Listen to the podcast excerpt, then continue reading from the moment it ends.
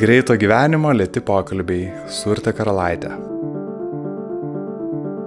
Labas, aš esu Urte Karalaitė ir tu klausai podcast'o Greito gyvenimo lėti pokalbiai, kur su įvairiais pašnekovais per skirtingas jų patirtis tyrinėjom vidinį žmogų. Jei podcast'ą užklydai pirmą kartą, kviečiu paklausyti ir kitų nemažiau įdomių pokalbių, kurie išeina kas antrą trečiadienį. Visus juos rasi Spotify, iTunes ir kitose programėlėse bei karalaitė.com pasvirasis brūkšnys podcastas. Šiandien kalbuosi su knygų autoriumi, vaizduotės ir kūrybiškumo tyrinėtoju, filosofu ir bene jauniausiu Vilniaus universiteto filosofijos katedros profesoriumi Kristupu Saboliumi. Ruošti šiam pokalbiui buvo kebloka, nes norint gerai pasiruošti reiktų kokių metų, kad bent greituoju būdu perskaityčiau viską, ką Kristupas parašė, susipažinčiau su įvairiomis jo veiklomis, perklausyčiau bent dalį jo skaitytų pranešimų, kurie dažniausiai tiesiog sprogdina smegenis. Kristupo pamastymus būtų tikrai siaura apibūdinti kaip plečiančius akiratį, mane tai supažindina su naujomis, neatrastomis plotmėmis ir dimensijomis. Jausmas kiek surrealistinis, nes tikrai atrodo, kad atrandi kažkokius naujus pasaulius. Čia jau ačiū ir mūsų vaizduoti, ir jos kuriamoms galimybėms. Nors mūsų smegenys ir linkia griebti lengviausius mums pažįstamus pasirinkimus, būtent nauji atradimai ir ištrukimas iš e, tokių savo ratų veda mus pirmin. Jei ir tave podcast'o pokalbiai kartais nuneša į naujus vertingus pasaulius, prisidėk prie podcast'o tau tinkama kasmėnesinė suma patreon.com pasvirasis brūkšnys lėti pokalbiai. Su Patreonais turim slaptą Facebook grupę, kur epizodai jos pasiekia anksčiau, ten tariamės dėl potencialių pašnekovų, pokalbių temų ar klausimų. Prie podcast'o Patreonų šį kartą prisijungė Jeva Drižaitė, Laura Šimaitytė ir Aušra Burokaitė.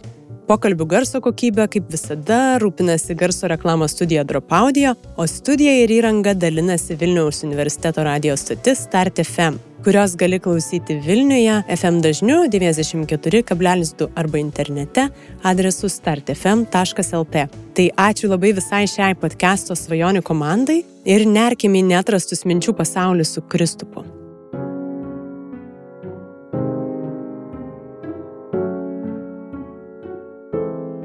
Labas Kristupai. Labas, Vartė. Rugsėjo trečioji, tik mokslo metų pradžia. Ir jau paminėjai e, naują statusą. Mhm. Klausiau dabar vieną paskaitą, įrašą, kur dešimt minučių pasiekimus to vardino komiškai iš vienos pusės, bet, na, profesoriaus statusas, tavo pasiekimai, knygos. Čia man norisi apie gyvūną galvoti, kuris yra stiprus ir jis tada nori pūsti ir, ir nosį kelti ir, ir galvą aukščiau kitų. Tai e, šito man tarsi nesimato, tu turi kažkokio kuklumo. Tikiuosi. Man įdomu, koks tavo santykis su ego ir vat, pasiekimais, kur tu pasieki kažkokį tikslą, statusą, rangą. Labai iš karto nu, pradėjai nuo tokio įdomus klausimo labai svarbus man klausimas, ko gero pats svarbiausias. Gyvenime klausimas yra, ką daryti su tuo, kad visą laiką esi įtraukiamas į tam tikrą turbūt iliuzijų pasaulį. Didžiausia iliuzija, aš vaizduotę tyrinėjau daugybę metų. Tai didžiausia iliuzija yra susižavėti savimi pačiu. Vaizduotė yra daug tikresnis dalykas, jeigu nusimeta tos ego pančius. E, netgi tikresnis dalykas negu mūsų socialinė tikrovė, o, o vat ego yra baisus pastai. Tai tiesą pasakius, kai tiek daug darai, kyla daug pagundų visą laiką priimti tuos e, kažkokius etapinius rezultatus ir įvertinimus kaip kažkokį pasiekimą, e, kuris ir ką nors pradeda biloti apie tave patį. Bet E, na, susižavėti to, ap, apduiti, ne? Man tai yra gana baisu, ne? Baisu panirti. Tai ir, ir aš pats to bijau ir stengiuosi to išvengti, bet čia, žinai, stengiuosi išvengti, bet turbūt ne, neišvengiu galutinai. Visą laiką tai yra tokia nuolatinė, nesakau kova, bet tam, tikras, tam tikra dialektika, ne? Tu turi visą laiką save revizuotis, visą laiką likti autoironiškas. E, aš netgi dabar beje rašau tokį scenarių, rašau tai gal per skambiai pasakyta, bet e, pradėjau mąstyti apie tokį scenarių, nežinau, kad nors aš jį ir parašysiu, nes kartais mano projektai užtrunka labai ilgai. E, pavadinimu Diletantas. Dabar ką tik baigėm vieną filmą su Ignu Janinu. išeis netrukus į ekranus, bet va aš jau kažką pradedu galvoti naujo. Tai yra filmas apie žmogų, kuris apsimeta kitų žmogų. Nu, yra priverstas dėl aplinkybių e, ir kartu yra priverstas simuliuoti žinojimą. Ir aš manau, kad tas diletantizmas yra ko gero nuolatinė žmogaus būsena to, kuris ieško ir kuris mėgina ką nors mokyti kitus. Man tenka tai daryti, daugybę savo laiko ir, ir energijos skiriu tam, kad kažką išmokyčiau kitus. Bet e, kai tai darau, e, aš nuolatos abejoju, ar tai, ką aš neku iš vis yra kažkiek prasminga ir ar aš pats suprantu, ką aš sakau. Tas jausmas kilo turbūt jau labai seniai, nuo pirmos paskaitos, kurią turėjau skaityti studentams.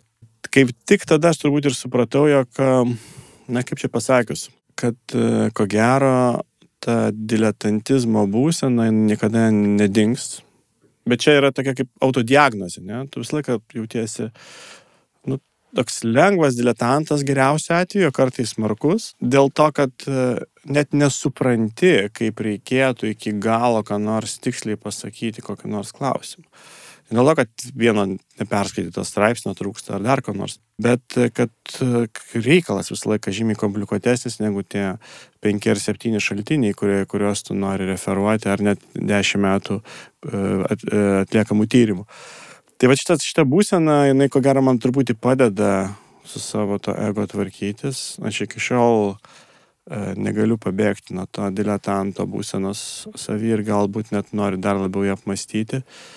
Nes tiesą pasakius, aš nežinau, kaip, kaip, kaip įmanoma to išvengti. Aš manau, kad galbūt to ir nereikia išvengti, galbūt tai yra tokia pagrindinė revizija tavo ego, apie kurį tu užsiminė. Jeigu tai prarasi, gal tada jau bus prastai, galvosi, kad tu esi meistras. Tai meistras nesijaučiu, jaučiuosi diletantu. Mini keletą skirtingų veiklų. Mhm.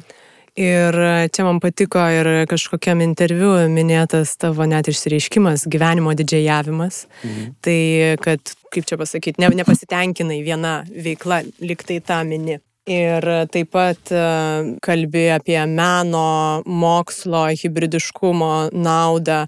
Čia ir norėtųsi gal pažiūrėti, kokias vertes tu matai, tarkim, persidengiančių veiklų. Mhm ir, ir tau, ir, um, nežinau, tavo kuriamam galų gale produktui, kas mhm. tai bebūtų.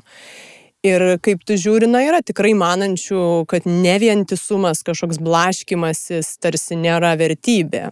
Tai va čia tokios prieš priešos. Visiškai nesąmonė yra, kad E, nu, kaip, kaip pavadinsi, blaškimasis tai turbūt yra e, tam tikras nesugebėjimas susikoncentruoti, nenuseklumas e, tam tikrame kelyje, bet e, tas kelias gali būti įtraukiantis daug perspektyvų ir ten ta koncentracija gali atsirasti. Aš apskritai labai tikiu e, išėjimu iš savo disciplinos rėmų ir vėl sugrįžimu į ją pro kitus vartus arba gal net atidarimą, nes, žinai, e, filosofija pagal apibrėžimą e, prasidėjo kaip e, tokio na, fundamentalaus žinojimo, pagrindų pradų žinojimo, siekio pradų praktika, o kai tu žiūri į pradus, tai praduose viskas susijungia, ne?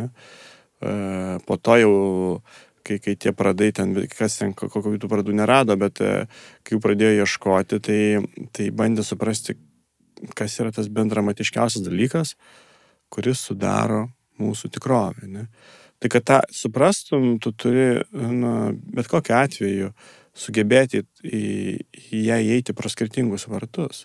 Nes jeigu e, įeini pro vienus, tai tik ten kaip tai žinai palyginime apie tą garsų į dramblį, kurį vienas čiupinėjo už odegos, kitas už ausies, žinai, apie aklų žmonės, kurie čiupinėjo dramblį. Ir kažkokį fragmentą atradė, papasako, kas jis yra. Be abejo, ar ten koja, ar ausį palietęs, tu pap gali papasakot kažką, bet tu iš, išpjauni tą, tą fragmentą ir sakai, dramblys yra tokia labai plona, ilga odega, ne? Ar ten kaip gyvatė atrodo. Ir tai nėra, na, nu, kaip tarsi ir tiesa tai yra, bet bet vat žvilgsnio atsitolinimo, tokio įjungimo į skirtingų perspektyvų, man tai ir buvo pats brangiausias visada, visą gyvenimą. Gal tai yra mano pati fundamentaliausia filosofinė laikysena - jungti dalykus ir, ir šią prasme aš negaliu ir filosofiją išsitekti, nes filosofija yra labai daug dogmatikos, labai daug tokios holastikos kartojimo tam tikrų tiesų priklausimo mokyklai. Filosofija yra tokia konservatyvi vieta kartais ir man tai yra ir liūdna, ypač akademinė filosofija, nes yra labai saugu būti ten vienos ar kitos filosofinės mokyklos atstovu ir, ir tam diskursė tapti. Problema yra kita vertus turbūt netapti ir profanuotojų visą reikalą ir, ir nesusirinkti tokios e, vinigretos stiliaus mišrainės, kur žirneliai iš, iš vieno e, skiriaus, o morkytės iš kito ir tada sakyti, va čia aš jums tai sumečiau ir gavosi kažkas jau skanaus, ne va tavot ir prašom valgyti. Ne, tas e, tarpsritiškumas ir skirtingų sričių jungimas yra labai ilgo laiko reikalaujantis dalykas. Tai ir daug pastangų. Ir šią prasme aš manau, kad aš to dar mokausi. Vat, pavyzdžiui, dabar aš e, mane įtraukė į tokį suaugusiųjų mokymo projektą, epalė, kuri, man atrodo, šaunus labai dalykas. Tai yra e, pamėginti žmogui pasiūlyti galimybę domėtis dalykais, kurie galbūt nėra tavo specialybė šiandien, bet tu jais gali domėtis, net jeigu tau yra uh, daugiau negu 20 ar 28. Ne? Kitaip sakant, viena vertus, tai tu gali mokytis nepriklausomai nuo amžiaus ir aš manau, kad tai yra esminis dalykas. Kažkurio metu žmonės nustoja mokytis. Jie, jie galvoja, kad jie jau kažką žino. Jie, tie kvalifikuoti specialistai man yra kažkoks juokingas daiktas. Uh, Na, aš suprantu, nu, tu gali būdamas apskaitininkas ar finansininkas išmokti susidoroti su sodros e, šitą, nu, bet manau, kad negali. Lietuviška sodra, man atrodo, yra m, anapus e, galimybių ją perprasti. E, nei VMI, nei sodra, matome, mes tikrai čia dar, ne, dar tokio universiteto nėra, kuris suprastų, kas, kaip tai veikia. Bet, nu gerai, gali šiek tiek išmokti, ne? gali truputį pramokti, ką, kas yra VMI logika. Ir gal visai tai nieko, kai yra žmogus, kuris tau gali pasakyti. Arba gali ten kažkiek išmokti, nežinau, sutvarkyti elektroninę sistemą, sujungti laidus dar ką nors. Taip, bet jeigu tu nori ką nors suprasti ne apie veikiančias sistemas, o apie tai, kas bus ateityje, ne, apie procesus, kuriuos tu pats galėtum įtakoti. Kitaip sakant, nebūti pasyvių žinių prieimėjų, bet aktyvių, tu turi dalyvauti tų žinių kūryboje kažkuria prasme e, daugybė žinių, kurių reikia mokytis, jų dar net negimė. Jos ateina iš ateities. Tai turi būti atviras ateičiai. Tai ir galioja viskam, ir politikai, ir gamtosaugai, ir ekonomikai, ir, ir taip pat e, tiksliesiams ar gamtos mokslams. Ne? Ten yra daug dalykų, kuriuos, kad tu perprastum, tu tiesiog turi pakeisti savo e, mokymosi požiūrį ir, ir žinių prieimimo sistemą. Aš kartais kartoju tą, tą dalyką, kuris man patinka ir, ir, ir aš manau, kad žmonės kartais nedrįsta to pasakyti, bet manau, kad ne vienas toks esu. Universiteto vat, karjerą aš pradėjau dėl to, kad manęs nepefinansavo valstybė. Sakė, tu jau mokytis nebegali, jau doktorantūra baigėsi, nu, prašom kažką gyvenime daryti.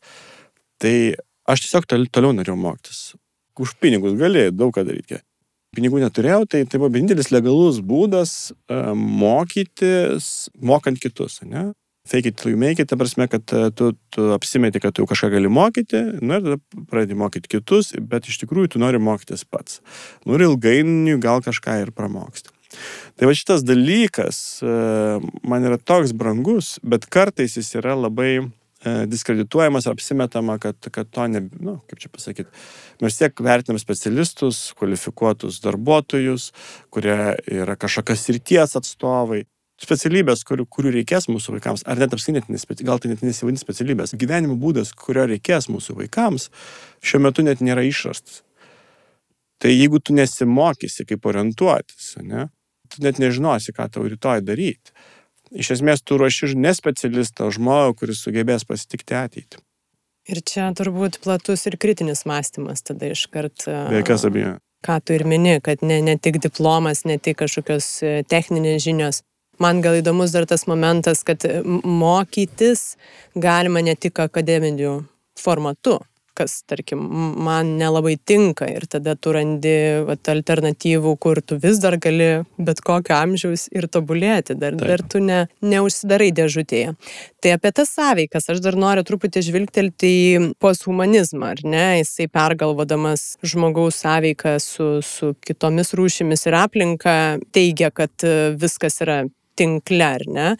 Tai čia vėl aš tokia tarsi prieštarą matyčiau šių dienų populiarioji kultūra kelia individualizmo, individualaus žmogaus kultą ir galbūt labai generalizuojant galima sakyti, kad va, šiandien jaunuolis gali išgyventi tik tai pasiūlydamas kažką unikalaus.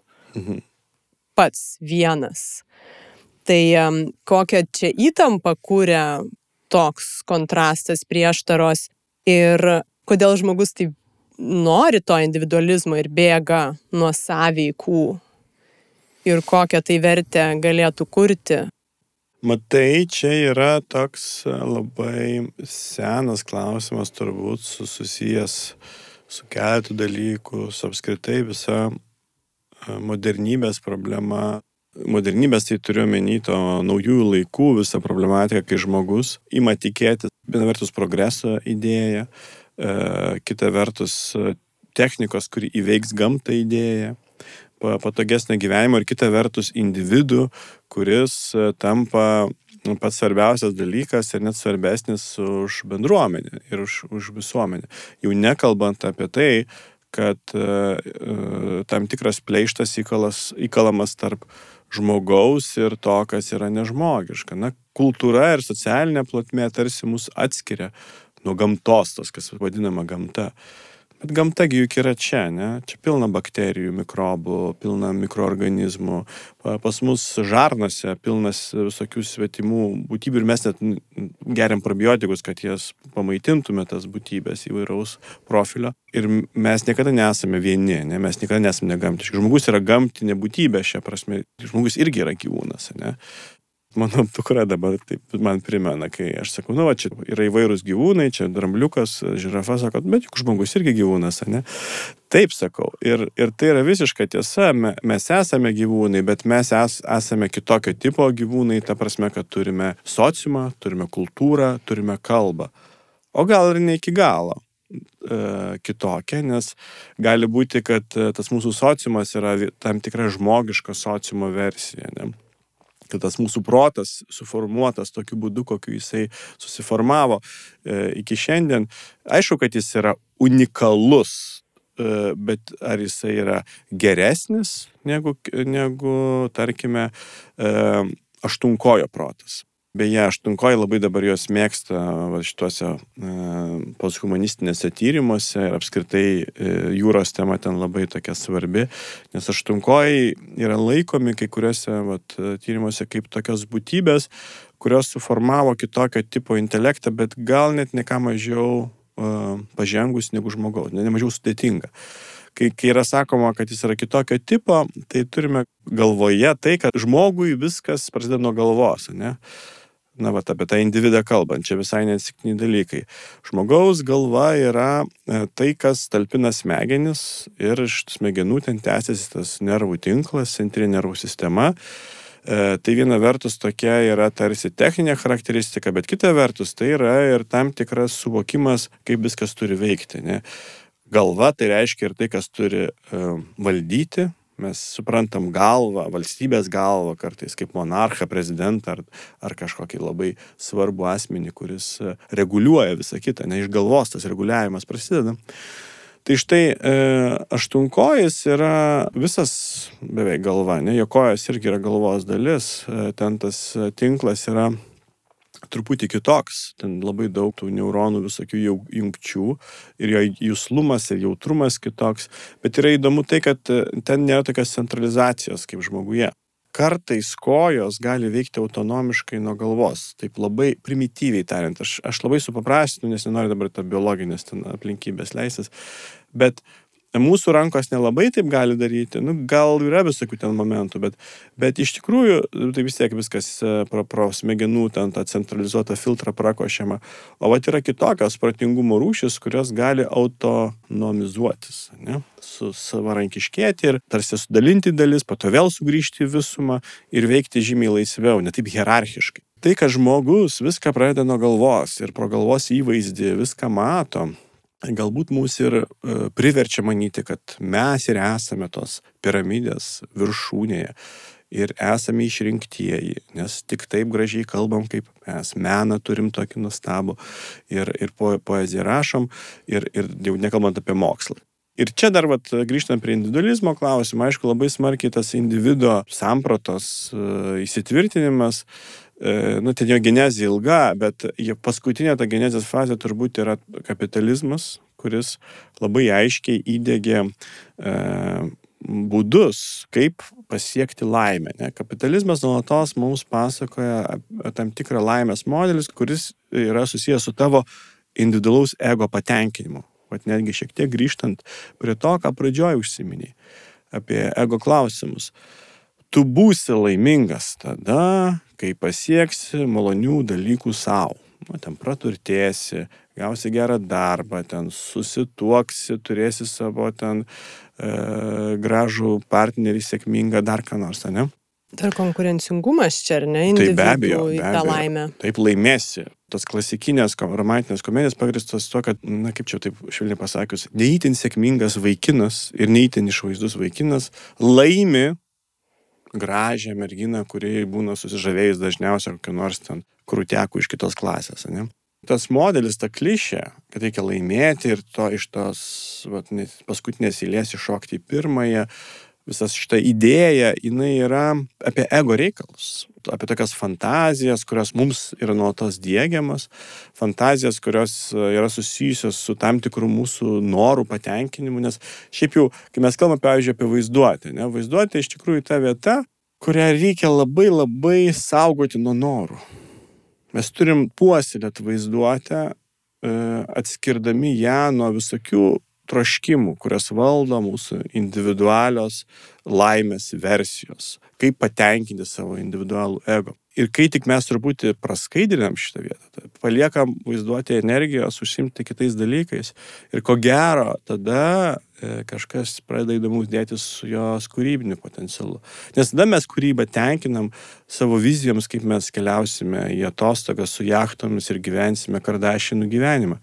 Ar kažką panašaus. Ne? Kai tai yra tam tikra popkultūros versija, kuri mums pasiūlo, ką reiškia laimingai būti individui. Ne?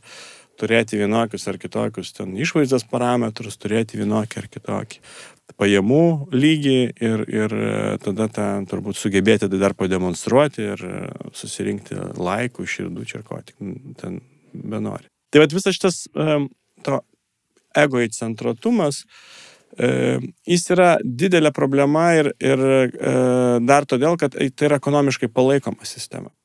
Kapitalizmas iš esmės jisai labai rūpinasi mūsų vaizduotę, jisai labai rūpinasi kolektyvinę vaizduotę, dėl to, kad vaizduotė yra vartai į mūsų troškimų pasaulį. Jis nori įdėkti mums tam tikrą troškimų modelį. Nes tas, kuris trokšta to, ko reikia, yra valdomas žmogus ir jisai pirks tai, ko reikia. Reklama yra apie tai, apie troškimų valdymą.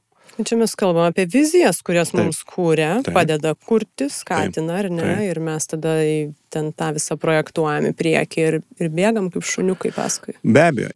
Čia psichoanalizė nemažai nuveikė darbą. Lakanas apie tai kalbėjo fantazijos, vat, susėdamas vaidmenį su, su troškimu.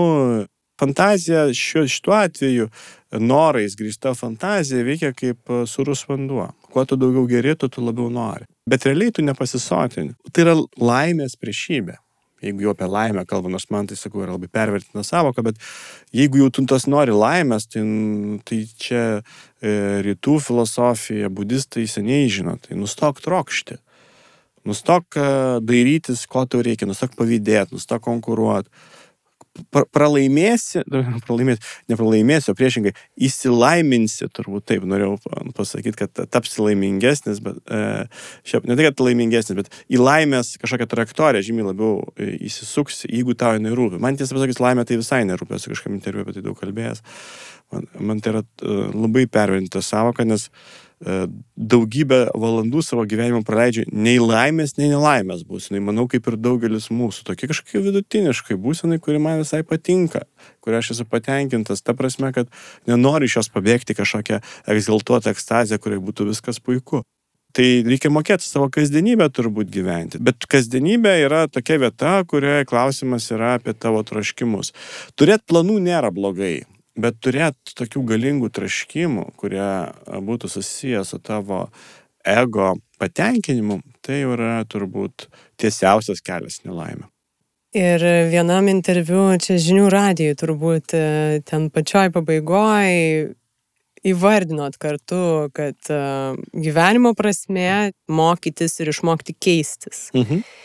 Ir e, čia man vėl norisi pažiūrėti tą žmogų, na, šiandieninį. Nebūtinai pokytis ir kaita jam patinka. Na, ypatingai jeigu vat, man čia dabar gerai, nežinau, ar tas mano komfortas, ar ta laimė naujovės galų gale gazdina. Taip. Kaip šita priešprieša, čia jau net netroškimas ir projektavimas į priekį, čia jau pasyvumas ir norėjimas vat, būti čia ir nesikeisti. Ir nors tu matai prasme būtent kaitoj. Vėlgi, reikia suprasti, ką reiškia ta kaita. Apskritai viskas keičiasi, ne aplink mus. Mes gyvename tokiam labai besikeičiančiam pasaulyje, nes, nu, tai saulė nušvinta, tai lietus palyja, tai kažkokie uh, politiniai procesai pasikeičia. Daug dalykų įtakoja mūsų gyvenime ir kaita yra neišvengiama. Tai, tai nu, mes senstam pagaliau, ne? Tai e, e, kaita yra tai, ką mes e, šiaip ar taip išgyvenam būtinai.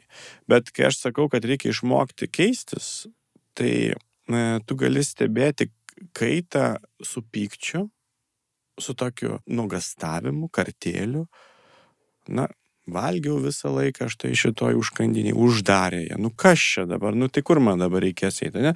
Toks vad burbėjimas žmogaus yra nuolatinė. Aš ir pats save kartais tai pagaunu, kad vat, jau kažkas ne taip, kaip aš norėjau, vyksta, jau, jau nepatinka. Net žmonės iš tikrųjų labai konservatyvus, dėl to, kad jiems yra smagu uh, daryti įprastus dalykus, jie jaučiasi saugus. Ir tai aišku, kodėl. Ne? Mes jaučiame saugus, kai dalykai kartojasi, kai mes galim nuspėti, kas bus. Tada mes jaučiame saugus. Išmokti priimti neapibrieštumą, kuris šiaip ar taip yra gyvenimo dalis, tikrovės dalis. Nėra taip paprasta ir dar daugiau, nėra taip paprasta uh, sugebėti galbūt net aktyviai tame dalyvauti. Kartais mes neapibrieštumą turim priimti tas pasikeitusias aplinkybės, e, neaiškius sprendimo būdus, kaip tvarkytis su, su tom aplinkybėm. Mes turim priimti kaip, na, taip sporadiškai, nežinodami, ką daryti ir labai dažnai taip žmonės galima sutrikdyti, nesukelt paniką. Bet mes galim nuolatos to ieškoti, nuolatos apie tai galvoti. Tai yra tam tikra ir kūrybingumo treniruotė, ir tokia mentalinio plastiškumo treniruotė. Ir jeigu norit, kad jau čia taip prie tos temos turbūt artėjom ir, ir vaizduotės treniruotė.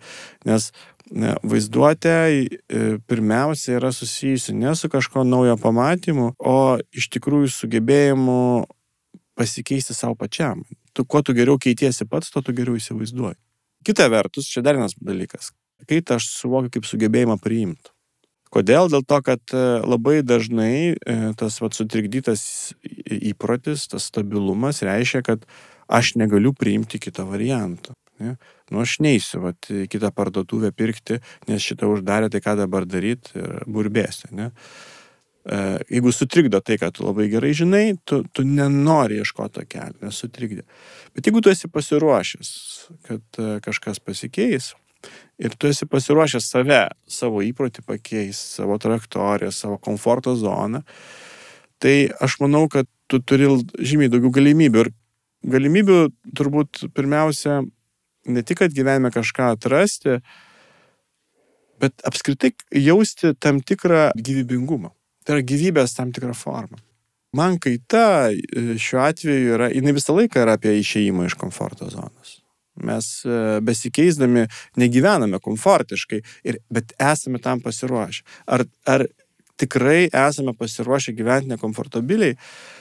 Aš net ir savo tą klausimą galiu puikiausiai užduoti ir manau, kad yra daug dalykų, kuriuos aš darau, kad gyvenčiau komfortiškai gyvenime. Ne? Tai, tai na, ten bandai saugumą kažkokį susikurti. Bet kita vertus, man ta dalis kažkokia, kuri, kuri tau sako, jog turi nesustabarėti, turi ieškoti, turi mėginti daryti, daryti dalykus kitaip ir kad, ir kad tai tau leistų transformuotis, nu, man visą laiką buvo labai svarbi. Šia prasme, aš turiu labai daug savikritikos, aš žinau labai daug dalykų, kurie mane erzina manyje, ne, ir aš gal, visą laiką mano, mąstu apie tai, kaip tai reikėtų keisti. Tai ar kaip sekasi, tai čia kitas klausimas, bet vat, kad tai yra svarbu, tai aš manau, kad taip. Tai gal net vienas svarbesnių dalykų pat gyvenime. Čia prie lengvų pasirinkimų noriu mhm. staptelti, nes va čia algoritmai tada gali iššokti Tai jie naudojasi mūsų pasikartojančiais pasirinkimais, fiksuoja, žino jau mūsų įprotį, palengvina tą mūsų būti, kas mums šiaip patinka ir toliau įsisukam. Jeigu tada mhm. kūrybingumas yra susijęs su aktyvumu, nesustabarėjimu, mhm. o žmogus tarsi būtų linkęs vat, į tą pasivumą, tai ar galima pažiūrėti taip, kad ateityje nereikia labai burti gal ir projektuoti, bet kaip atrodytų, ar jisai primityvės, taip apie bendrą masę kalbant ir pasyvės. Jisai jam... tai kas? Žmogus. Žmogus. Na, yra tokia grėsmė. Jis dabar jau yra labai pasyvus. Pažiūrėkit, kaip lengva žmonės įtikinti fake news visokiais dalykais. Ne? Yra daugybė žmonių, kurie tiki, kad žemė plokščia E, ir, ir, ir kaip mes e, galime matyti puikiai veikia propaganda Kinijai, Rusijai, Šiaurės Korejai, bet taip pačioje Amerikoje, kur tik nori. Yra pilna būdų, kaip e, žmogui įdėkti tam tikrą pasaulio viziją, kuri yra susijusi su teisingais atsakymais. Žmogus nori atsakymų, kurie jam pasiūlytų teisingus elgsenos modelius. O tai yra algoritmas. Nes algoritmas savo prigimtimi labai primena įprotį, čia teisingai pastebėjai. Nes tai yra veiksmų sistema, kuri gamina tą patį rezultatą, o tas pats pasikartojantis rezultatas atrodo kaip tiesa. Ir mes painiojam pasikartojantį rezultatą su tiesa savo gyvenime labai dažnai. Statistinius duomenis, kurie yra dažniausiai kažkoks apibendrinimas to, kas jau įvyko ir kas dažniausiai kartojasi, su tuo, kad taip ir yra iš tikrųjų. Bet, na, čia tokia labai gili filosofinė problema. Kas yra, taip sakyti, tvirtesnis pagrindas ir koks ryšys tarp dėsningumo ir atsitiktinumo, tarp būtinybės ir kontingencijos filosofijai, ta problema kartais apmastama. Kas yra svarbiau? Ne, tai e, šiaip jau vis, visa ta algoritmo ideologija, algoritmo metafizika remiasi būtinybės principu, kuris suveda tikrovės pagrindai į skaitmeninio dėsnio pavydalą ir tiki, kad galima viena vertus viską aprašyti skaitmeniniam vertėm ir formulėm. Kita vertus, tai, kas dar nėra aprašyta, tai tik laiko klausimas, kokio lygmens ir kokio sudėtingumo algoritmas tai padarys. O tai, kas dar neprašyta, tai tiesą sakant, dar gali būti ir pačių algoritmų papildyta. Gal tai, kas neparašyta, yra tik e, ateities kodas, kurį parašys algoritmas. Ir čia tada e, vat, e, iškyla toks, toks vat, įdomus dalykas, kaip tu sakai, ar, ar žmogus gali tam pasipriešinti. Tik tada, jeigu jis atras to vat, atsitiktinumo žavesį ir atsitiktinumo svarbą, klaidos svarbą. Nes kas yra atsitiktinumas? Atsitiktinumas yra tai, kas iškrenta iš taisyklės, kas negali būti apibendrinta ir kas nesikartoja nuolatos, o tik kartais. Bet kartais atsitiktinumai virsta naujomis taisyklėmis. Ta prasme, kad tai, kas atsitiko vieną kartą, per precedentą, jie gali suformuoti naują modelį, kaip galima daryti. Ne? Tai šia prasme, kūrybingumas uh, ieško tų kontingencijų, ieško atsitiktinumų. E, bet ne tik kūrybingumas. Visas šio laikinis menas, mano akimis, yra uh, kontempliuojant šitą problemą ir ieškantis tokių unikalių patirčių ta meistrystė, kuri rėmėsi dėsniais, technikos išmanimu, šiandien jau uh, su robotais nepakonkuruosi. Yra toksai projektas Next Rembrandt, kuris uh, geriau už Rembrandtą nutapė dirbtinio intelekto, aišku, rankomis ar, ar ten, nežinau, tušu printerių skaitmeninių, nutapė Rembrandto portretą tokį, kad jau patys net e, kritikai negali skirti, ne? ar čia Rembrandto darbas ar ne Rembrandto darbas. Jeigu nuskaitai Rembrandto DNR vadinamai, tai yra Rembrandto e, technika, tu gali jį replikuoti ir net dar pagerinti. Kai tu sakai, mes pavadinsime tai Rembrandtu. Bet mes nežinom, ar Rembrandtas būtų tai padaręs. Gal jis tai būtų staiga pradėjęs tapyti kokią nors modernistinę manierą ir kažką kito nuveikęs. Nes yra daug faktorių, kurie vestų anapus tos taisyklės, anapus savo braižo. Ne? Šiandien vat, menas labai rūpinasi šitą sferą. Menai turi labiausiai turbūt e, rūpinės, nes mokslas eina visai kitą linkmę. Mokslas grįžta prie tokios labai konservatyvios, sunormintos e, pozicijos, kuri tiki, kad e, kada nors e, atsitiktinumus mes pašalinsim. Ir viskas bus sustiguota. Kitaip sakant, mes gyvensime robotų pasaulį, mes patys tapsime robotais. Tai yra tokia grėsmė. Bet aš manau, kad tai yra labiau hipotetinė. Kodėl? Todėl, kad viena vertus, na, aš vis tiek tikiu, vad kalbamės mes ir, ir, ir keliam klausimus, ir žmogus kelia klausimus, e, nes e, žmogui rūpi laisvė. Aš nemanau, kad laisvė yra toks dalykas, kurį irgi sukūrė medijos, ne, arba sukūrė pop kultūra arba literatūra. Kartais sakoma, kad meilė, laisvė ir laimė sukūrė graži romantinė literatūra, ar ten visokie riterių romanai ir panašus dalykai. Laisvė yra susijusi su turbūt žmogaus sugebėjimu pasipriešinti. Ir kažkodėl vat, priešinasi žmonės. Ir visais laikais priešinasi. Ne?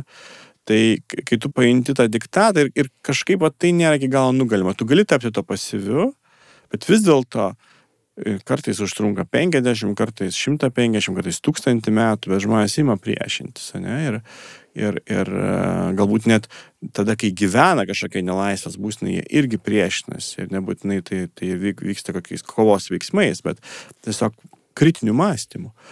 Tai e, šituo aš tikiu. E, aš manau, kad algoritmo idėja net pašalina laisvės idėją galutinai. Tai e, ar mes neteksime laisvės, ar mes deleguosim algoritmams. Nu, algoritmams nereikia laisvės. Jie puikiausiai jaučiasi be jos. Mums reikia laisvės. Tokiu mastu, kokiu mes norime būti laisvi, mes ir būsime kritiški, analizuojantis, aktyvūs ir kūrybingi. Aš nuolatos girdžiu šitas temas, sklandant e, vienam ar kitam registrui, bet ne tik Lietuvoje, kur nori žmonės apie tai kalba. Tai akivaizdu, kad e, tai rūpi. Ir vien tas rūpėtis įrodo, kad, kad prie, prie, prie to klausimo bus prieita. Dar noriu truputį grįžti prie fake news. Mhm. Čia noriu ir susijęti dar ir e, su jau vaizduotės tema e, tiesiogiai, nes man atrodytų, kad vaizduotė čia daug veikia bendrai propagandoje ir fake Taip. news. Ir dabar, kai Taip. to visai daug, tai vad ką ten vaizduotė gal net padeda kai mes kalbėjome apie tas paskaitas, ne, kur, kuriuose epalį aš skaitau, tai tose paskaitose aš e, pradžioj pristačiau įsivaizduojamybės idėją. Tokią knygą esu parašęs. Kas yra įsivaizduojamybė? Įsivaizduojamybė yra kolektyvinis vaizdinių laukas, kuris yra bendras mums visiems ir dažniausiai jis yra socialiai ir kultūriškai suformuotas. Ir mes tikrai turime daugybę bendramačių vaizduotės darinių, kurie jungia mūsų protus e, be jokių didelių, taip sakyti, magiškų e, implikacijų. Mūsų protai yra kur kas panašesni, negu mūsų atrodo iš pirmo žvilgsnio, jie sujungti, dėl to, kad turim bendrą vaizduotės lauką. Pradedant nuo to, kad gyvename krikščioniškam pasaulyje ir jeigu tu parodytum žmogui kryžių krikščioniškam pasaulyje, jis reikštų vieną dalyką, turbūt e, Amazonės džiunglėse jisai reikštų kitą dalyką, tom gentims, kurios dar yra e, nesutiktosios, ne, ne, nekontaktuotosios gentis, jos turbūt reikštų visai ką kitą. O jau baigiant e, reklamom ir panašiais dalykais, Hollywoodo filmais ir, ir taip toliau. Tai jūs paminėjot fake news, tai čia, man, man, man regis, yra toks dalykas, kuris puikiausiai rodo, jog vaizduotė yra susijusi, bet būtent įsivaizduojamybė yra susijusi su trim e, e, esminiais energetiniais užtaisais. Tai aš jau minėjau troškimą. Troškimą, tai vaizduotė kaip įsivaizduojamybė, bendramatis vaizdinių laukas yra troškimų valdymo arena. Tada mes galim kalbėti apie baimę e, kaip svarbu faktorių šitame. E, jeigu tu nori ką nors išgazdinti, turi paveikti vaizduotę. Ne? Įvykio gali ir nebūti. Pavyzdys, nežinau, ten krizė bankų, kai panikos kyla. Ne? Tau reikia tiesiog įžiepti galimą įvykių versiją ir bankai bankrutuos. Pasakyk, kad e, šitas bankas gali būti, kad jau turi problemų, nusidrieks eilės, visi pasims pinigus, banko nebeliks, ne? Visiškai vaizduotės e, efektyvus žaidimas. Na ir e, tikėjimas, kitas dalykas yra labai svarbus. Ne? Tai traškimas, baimė ir tikėjimas. Minėjau kryžių, religinį vaizdinį, bet galima kalbėti ir apie tikėjimą. Aš atsimenu, Kestutis Kemzūra, Lietuvos krepšinio rinktinės treneris 2010 metais prieš kažkurį ten svarbų Zėlės rungtynės rodė krepšininkams filmą 300 apie tai, kaip 300 spartiečių atsilaikė prieš persus, ne tam, kad įžieptų tikėjimą, jog įmanoma nugalėti stipresnį. Noriu pasakyti, kad ne tik kalbam apie religiją kaip didžiąją mūsų vaizduotės e, valdovę, bet galime, net ir, kaip sakyti, labai paprastam lygmenį būtie įžiepti tikėjimą. E, placebo efektas garsusis. Ne? Tu pasakyk žmogui, kad tai yra e, vaistai ir kurie labai gerai padeda. Jis pradeda tikėti, pradeda įsivaizduoti, čia vaizduoti visada veikia. Kai mes kalbam apie socialinę plotmę, tai mes, mes visą laiką gyvenam tokiam kolektyviniam sapne. Mes gyvenam visiškai bendroje halucinacijoje, jeigu nori. Ne? Tokia tikrovė, kurią mes aptariam, kalbam, žiniasklaida suformuota tikrovė. Apskritai pagalvok, kas yra pinigai iš savo prigimties.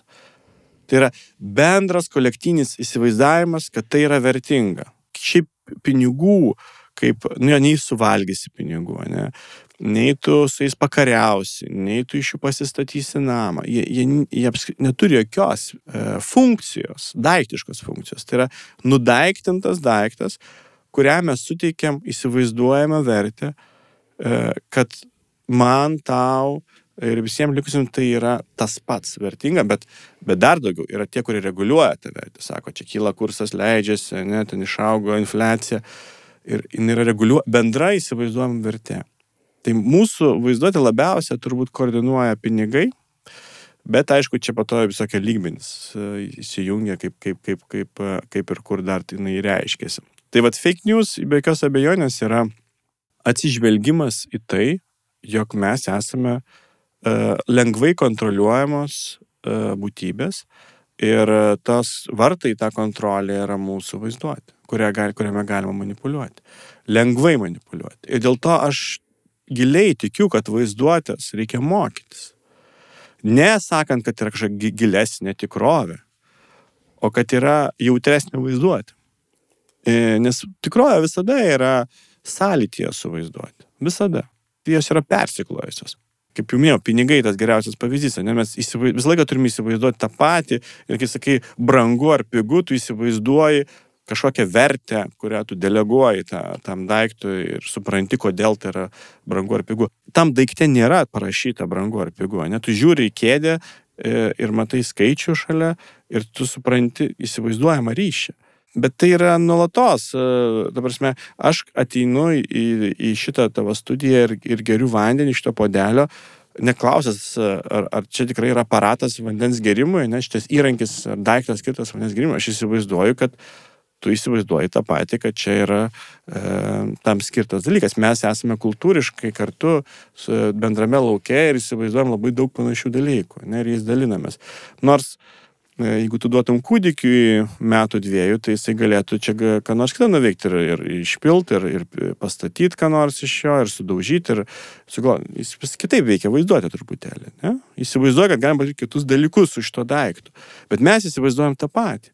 Ir reglamentuoti vaizduotę iš esmės yra socialinės iniciacijos procesas. Sociumas veikia įtraukdama žmonės į bendramatės vaizduotės laukus. Ne, mes esame tarsi instaliuojami į sistemą per bendramatę vaizduotę. Mes įsivaizduojame, kad svarbu yra mokykla, svarbu yra karjera. Įsivaizduojame pirmiausia. Viskas yra žaidimas tam tikras, aš dažnai. Abejonės. Sutariam taisyklės, kaip e, šitą stalo, nebe stalo žaidimą žaidžiame. Taip, visą laiką mums reikia apsibriežti lauką, Ir sakys, šitam laukiame žaisime ten mafiją ar ten soliterį ar dar ką nors. Bet ką. Ir, ir nu tai Huizing yra parašęs tokią romaną Homo liudens žaidžiantį žmogų, romaną, e, veikalą, teorinį veikalą, filosofinį veikalą, kuris kalba apie tai, kad socialinė žmogaus prigimtis yra žaidimas. Be, bet šitas žaidimas iš esmės ir sukuria tam tikras įsivaizdavimo koordinatės. Žaidimas yra tai, kas nustato, kaip mes kartu įsivaizduosime tai, ką reikia įsivaizduoti. Beje, žaidimas tik tiek ir veikia, nu, tu pasižiūri krepšinį, tai sako, čia linija nubrėžta, užminsi nebegalima, ne? Tai tu įsivaizduoji, kad nebe, nors iš esmės tai yra tiesiog, nu, vat, mūsų bendramatės vaizduotės produktas. Bet tą suvokus bent jau man tai labai sunku būna rimtai pažiūrėti į dalykus tada. Na, ta prasme, krepšinis čia vienas, vienas pavyzdys. Vienas iš nerimtų dalykų. Bet yra ir rimtesnių dalykų, kur, kur vat, tos taisyklės, kaip mini ir pinigai, nu, tikrai sunku kažkaip e, matyti ir tas krizės, ir tą griūnantį pasaulį, kai iš tiesų irgi tai yra, na, tas pats žaidimas ir susitarimas. Be jokios abejonės. Ir tu pažiūrėk, kad tos griūtis yra ritmingos, akivaizdu, kad jos yra koordinuojamos. Tame yra turbūt ir daug manipuliavimo, galbūt ne viskas yra ten kažkoks samokslas visuotinis, bet, bet tame, aišku, ir, yra interesų, kurio žaidžiat tom, tom jėgom ir tai, galbūt tai nėra kažkoks aš netikiu samokslo teorijom, kur ten susirinkę ten 300 žmonių valdo visą pasaulį ir mus tampo užvirūtės, bet aš manau, kad yra daug žmonių, kurie naudojasi, supranta va, štai šitą prigimtimi tikrovės, e, kurioj per žaidimą ir jo tam tikrus pokyčius ir reversus tu gali valdyti žmogų, būtent įtakodamas jo vaizduoti. Kai va, manęs klausia, gal tą vaizduotę tyrinėjai, dėl to, kad aš manau, kad tai yra nu kaip šiuo požiūriu tai yra pats svarbiausias dalykas. Jeigu tu supranti, kas yra vaizduotė, tu turi galimybę gyventi tikresnį gyvenimą. Nepabėg nuo tikrovės, ne? Bet pažvelgti ją tikresnėm akim, geresnės vizijas apie tikrovę atrasti. Tai va čia, va, man, man regis, tai yra kritinis vaizduotės potencialas. Mes galvojam, kad vaizduotė yra tik tais tokia produkuojanti gale kažką naujo, šaudanti saliutus, naujas įdomybės, inovacijas kurianti. Bet ne, ne, ne tik tai. Ir tai iš dalies, bet kartais tai yra romantizuota vaizduotės funkcija. Manau, kad vaizduotė prasideda nuo kritinio žingsnio, nuo atmetimo, nuo filtravimo, nuo pervertinimo, ne, nuo, to, kad atpažįsti fake, atpažįsti iliuziją, atpažįsti, kad tai yra mano ego, atpažįsti, kad tai yra mano baimė, su kuriam žaidžiama, ne? Čia aišku, ir ten farmacijos pramonės reikalai, ten, ten ir, ir panašus dalykai, be abejo. Kai tu pradedi apie tai galvoti, tu pamatai, kad yra daugybės ryčių, e, kuriuose jokios panikos niekas nesėja, nors žmonių žūsta žymiai daugiau, ne, ten, tarkim, automobiliais e, važinėja, žūsta žymiai daugiau negu ten kokio nors ten eilinio gripo, ten maro ar dar ko nors. Tai, e, žinoma, aš nesakau, kad nereikia skėtis ar reikia skėtis, aš ne apie tai kalbu, bet, bet kad panikos pati mechanika, jinai yra selektyvi. Labai dažnai tu gali paklausti iš tikrųjų, ar čia reikia paklusti tam. Ir kartais reikia, galbūt tu gyveni tokioje vietoje, na aš manau, kad reikia, pavyzdžiui, skiepytis nuo erkinio encefalito. E, tikrai, turbūt verta, nes e, turi net draugų, kurie smarkiai serga. Turi pats prieiti prie tų atsakymų kažkaip, neapgalvoti ir, ir pasirinkti. Dar noriu truputį grįžti prie tapatybės ir um, savo atspindžio matomo tapatinimo su savimi, su savo tapatybė ir tada santykio su narcisizmu. Tai e, tu tą plėtoji šitą temą ir man čia įdomu, kodėl šitie eina kartu iš karto, kad jeigu aš, na, pavyzdys buvo vaiko, jeigu vaikas pamato atvaizdą savo ir tai esu aš, na, tam tikra prasme tapatumas lygus narcisizmui, Jo, čia yra išvalga, kurią pasiūlo psichoanalizė ir konkrečiai Žakas Lakanas, e, kuris pratęsė Freudo liniją, e, bet labai taip specifiškai interpretuoja. E, jis yra pasiūlęs tokią trilypę schemą, tą ego superego id, psichoanalizės schemą papildo tokiom plotmėm, kurią jis vadina veidrodžio stadija arba įsivaizduojamybė. Jisai tą imaginėr terminą naudoja kaip e, sinonimišką veidrodžio stadijai. Tada e, kita e, plotmė yra sim, simbolinė plotmė ir tada galiausiai mes turime tikrovės plotmę. E, ir šita schema, trilypė schema, ne, įsivaizduojamybė, simbolinė plotmė ir tikrovė yra es, esminis būdas, kaip suvokti žmogaus e, psichologinę, psichinę dinamiką iš, iš pasąmonės į, į, į sąmoningą gyvenimą.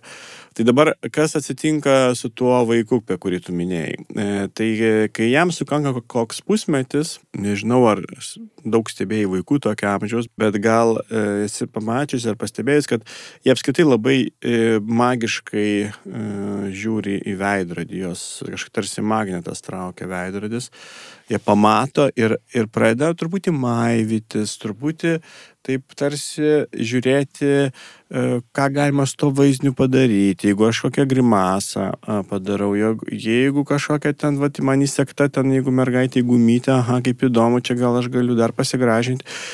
Pradeda suprasti uh, uh, vaizdo funkcionavimo logiką ir kartu tą magnetizmą jo patiria, nes negali atsitraukti nuo veidrodžio. Ir sako Lakanas, šitoje vietoje atrodo, kad šiaip yra vyksta toks nekaltas žaidimas, bet iš tikrųjų pirmą kartą tas žmogus, kuriam yra, nu, plus minus ten pusę metų, jam gali ten ir, ir anksčiau, ir vėliau tai būti, e, e, jam pirmą kartą atsiranda ekranas, toks interfejsas, pamatyti save. Nes iki tol įsivaizduok, iki tol tai yra žmogus, kuris pats su savimi nesusitvarko. Tai ropoja, tai ten kažką valgo, seilė tysta, ten e, e, kažką kalbėti nemoka. Nu, žinai, jis yra nekoordinuota būtybė, kuris savęs neapjungia į visumą, į vieną darinį. Ir staiga atsiranda būdas tai padaryti - išorinis vaizdinys, kuris užvaldo vaizduotę. Kodėl čia yra vaizduotė labai svarbi? Dėl to, kad e, vaikas atlieka tą judesi išorinio vaizdinio implantavimą į savo sąmonę, paversdamas vaizdą, tą imago, jie vadina toks yra galtiniškas terminas, vaizdinys kaip imago, uh, savo tapatybės pagrindu. Vadinasi, aš esu tas, kurį aš pamačiau veidrodį. Ir tai yra didžiausia iliuzija, anot psichoanalitikų ir tokia tarsi vaizduotės kritika šitoje vietoje. Kodėl tai yra iliuzija? Dėl to, kad ta tikrovė, apie kurią kalba psichoanalizė, iš tikrųjų yra pasamoninė tikrovė, jinai tiesiogiai nepasirodo, jinai nėra vizuali. Jinai yra dažniausiai akistata su tavo traumom, su tavo neurozėm, su savo kažkokiu e, nepo, e, įtampom pasamoniniam. Tai vad e, vaizdas, kuris retušuoja tavo pasaulį ir retušuoja pasamoninę tikrovę, pasiūlydamas darną Nes iš tikrųjų pasąmonė nėra darni, jinai yra tokia tave vedanti anapus harmonijos. Jis, e, vaizdas pasiūlo tokią neteisingą iliuzinę harmoniją, fakinę harmoniją, fake news tas momentas yra. Ne? Čia pirmoji fake news mūsų gyvenime, e, kad mes esame harmoningos, sąmoningos būtybės.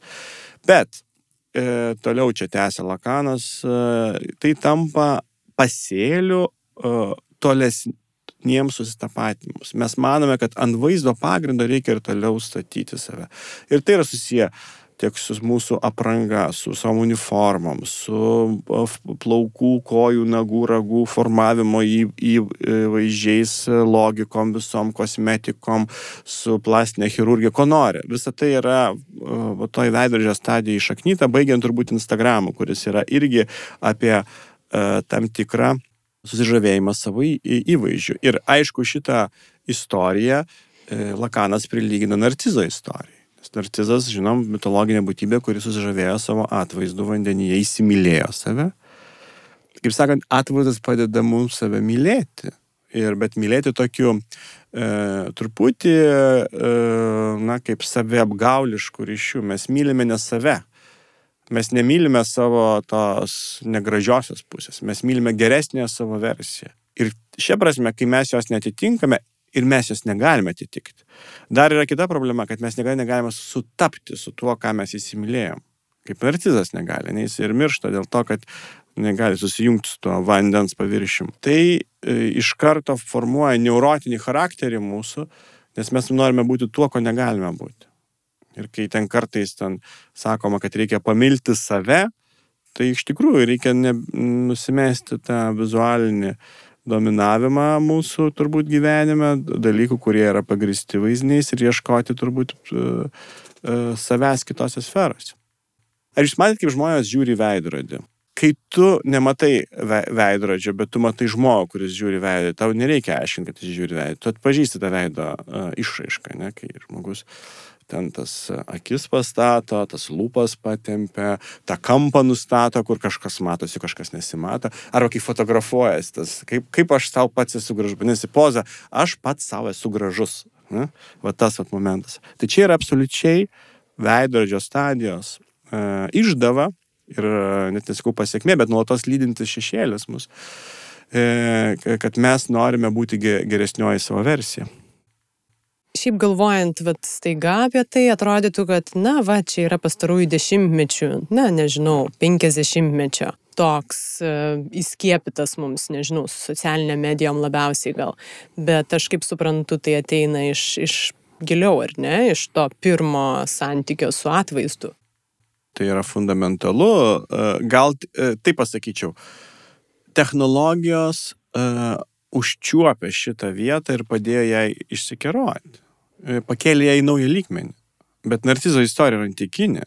O tas ir įdomu, kad tas mitinis mąstymas, jis turbūt atspindi tam tikrus kultūrinius dalykus, bet kita vertus, aš nežinau, ar jinai tokia yra universali. Aš nes, nedrįstu teikti, kad tokia pati psichika būdinga uh, ten australų gentim kažkokiam ar, ar Amazonės gyventojams, nes yra daug įdomių tyrimų, kurie, pavyzdžiui, sako, kad čia kalbant apie gal kitą dalyką, apie Oidipo kompleksą, kuris Freudo psichoanalizė būdingas, kad yra tokių genčių, ir tokių socialinių aplinkų, kur oidipo kompleksas negalioja. Nors tas kaip psichoanalizai beveik ten toks yra priimtas dalykas, kad jis yra labai universalus daiktas, bet yra tokių, tokių genčių, kur yra visai kita struktūra. Ne? Tai aš nesakau, kad tai yra toks universalus dalykas, bet jis universalus vakaruose. Taip, vakaruose tai yra labai dominuojanti tendencija. Dar truputį pribėgu pabaigai prie vaizduotės. Per vaizduotę mes prisimenam apie galimybės, ar ne, visas mhm. patirtas, ar jau iš tos kolektyvinės vaizduotės, kurios mus ir įgalina veikti. Ir kaip tada galima pažiūrėti, va ta vaizduotė prisideda prie mūsų gyvenimo drivo tam tikro gyvasties. Mhm. Jeigu mes kalbam pro galimybių prizmę, tai yra, aš manau, labai svarbi tema, nes pirmiausia, vaizduoti turbūt reikia išlaisvinti iš vaizdo diktato. Nors aš pats daug dirbu su vaizdu ir mane kin, kinas domina, bet mane domina toks kinas, kuris visą laiką užklausia klausimą apie, apie vaizdinio vertę. Tai vaizduotė yra ta vieta, kuri labai viena vertus neprisijungia prie tam tikrų schemų arba ją įdėgiamos schemos, kuriuose jau yra numatytas galimo veikimo uh, tam tikros trajektorijos, ne, kaip aš galiu veikti.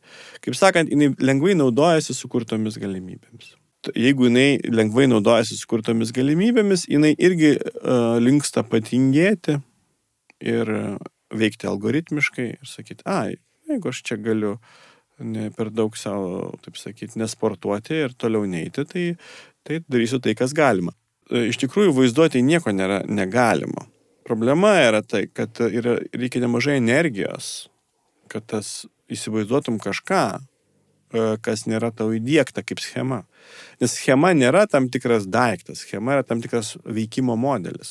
Schema iš tikrųjų yra labai dažnai apie algoritmą, tai yra apie seką dalykų. Tai jeigu tu nori išsilaisvinti iš schemų, iš klišių, tu turi eiti tolyn, e, ieškodamas kitų galimybių laukų. Ir tai yra kritinis darbas. Ne? Kitos galimybės nėra tai, kad, na dabar vaikučiai susėskim, pagalvokim, ko nors, ko neįmanoma. Aha, žmogus aukštyn kojam. Na taip, tai pirmiausia šauna klišiniai klišių apvertimo būdai. Ne? Apvert, net ir vaizduotė labai mėgsta e, klišiškai apversti klišės ir, ir tas net yra kartais, tarkim, mane kartais labai erzina, ne, kad paprasčiausias kelias kaip išlaisvinti vaizduotį, kažką netikėto sugalvokime. Netikėtumas irgi yra e, turinti savo e, klišes. Bet yra įdomu nežinoti, kaip reikia naujų galimybių ieškoti.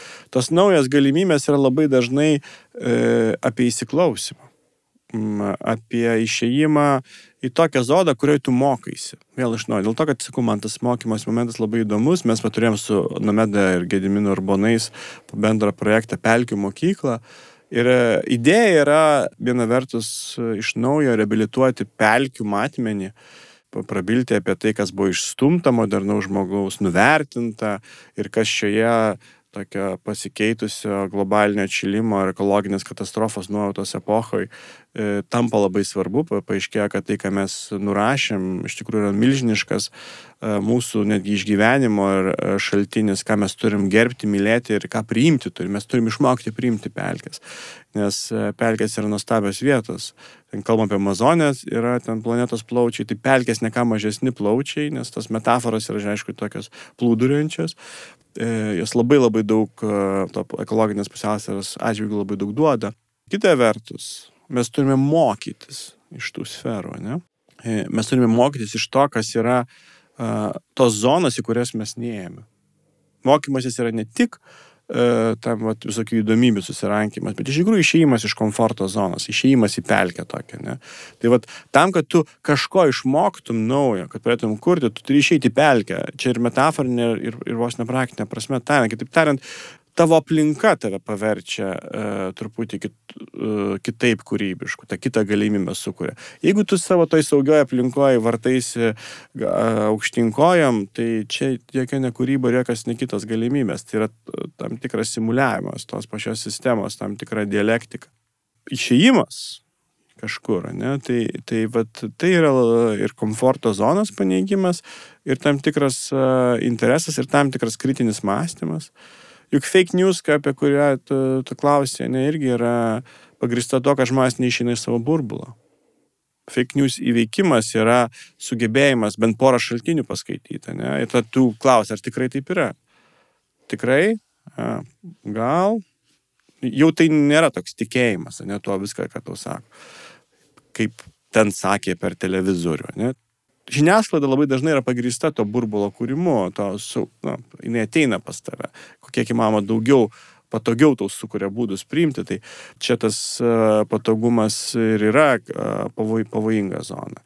Jeigu tu jautiesi patogiai, išeik į pelkės. Va ten, ten tau kils daug klausimų kartu su, su uh, tom durpėm, su odais, su, su visokiam smegdobėm. E, versmėm, bet kartu su skaniais rūkštiniais ežerais.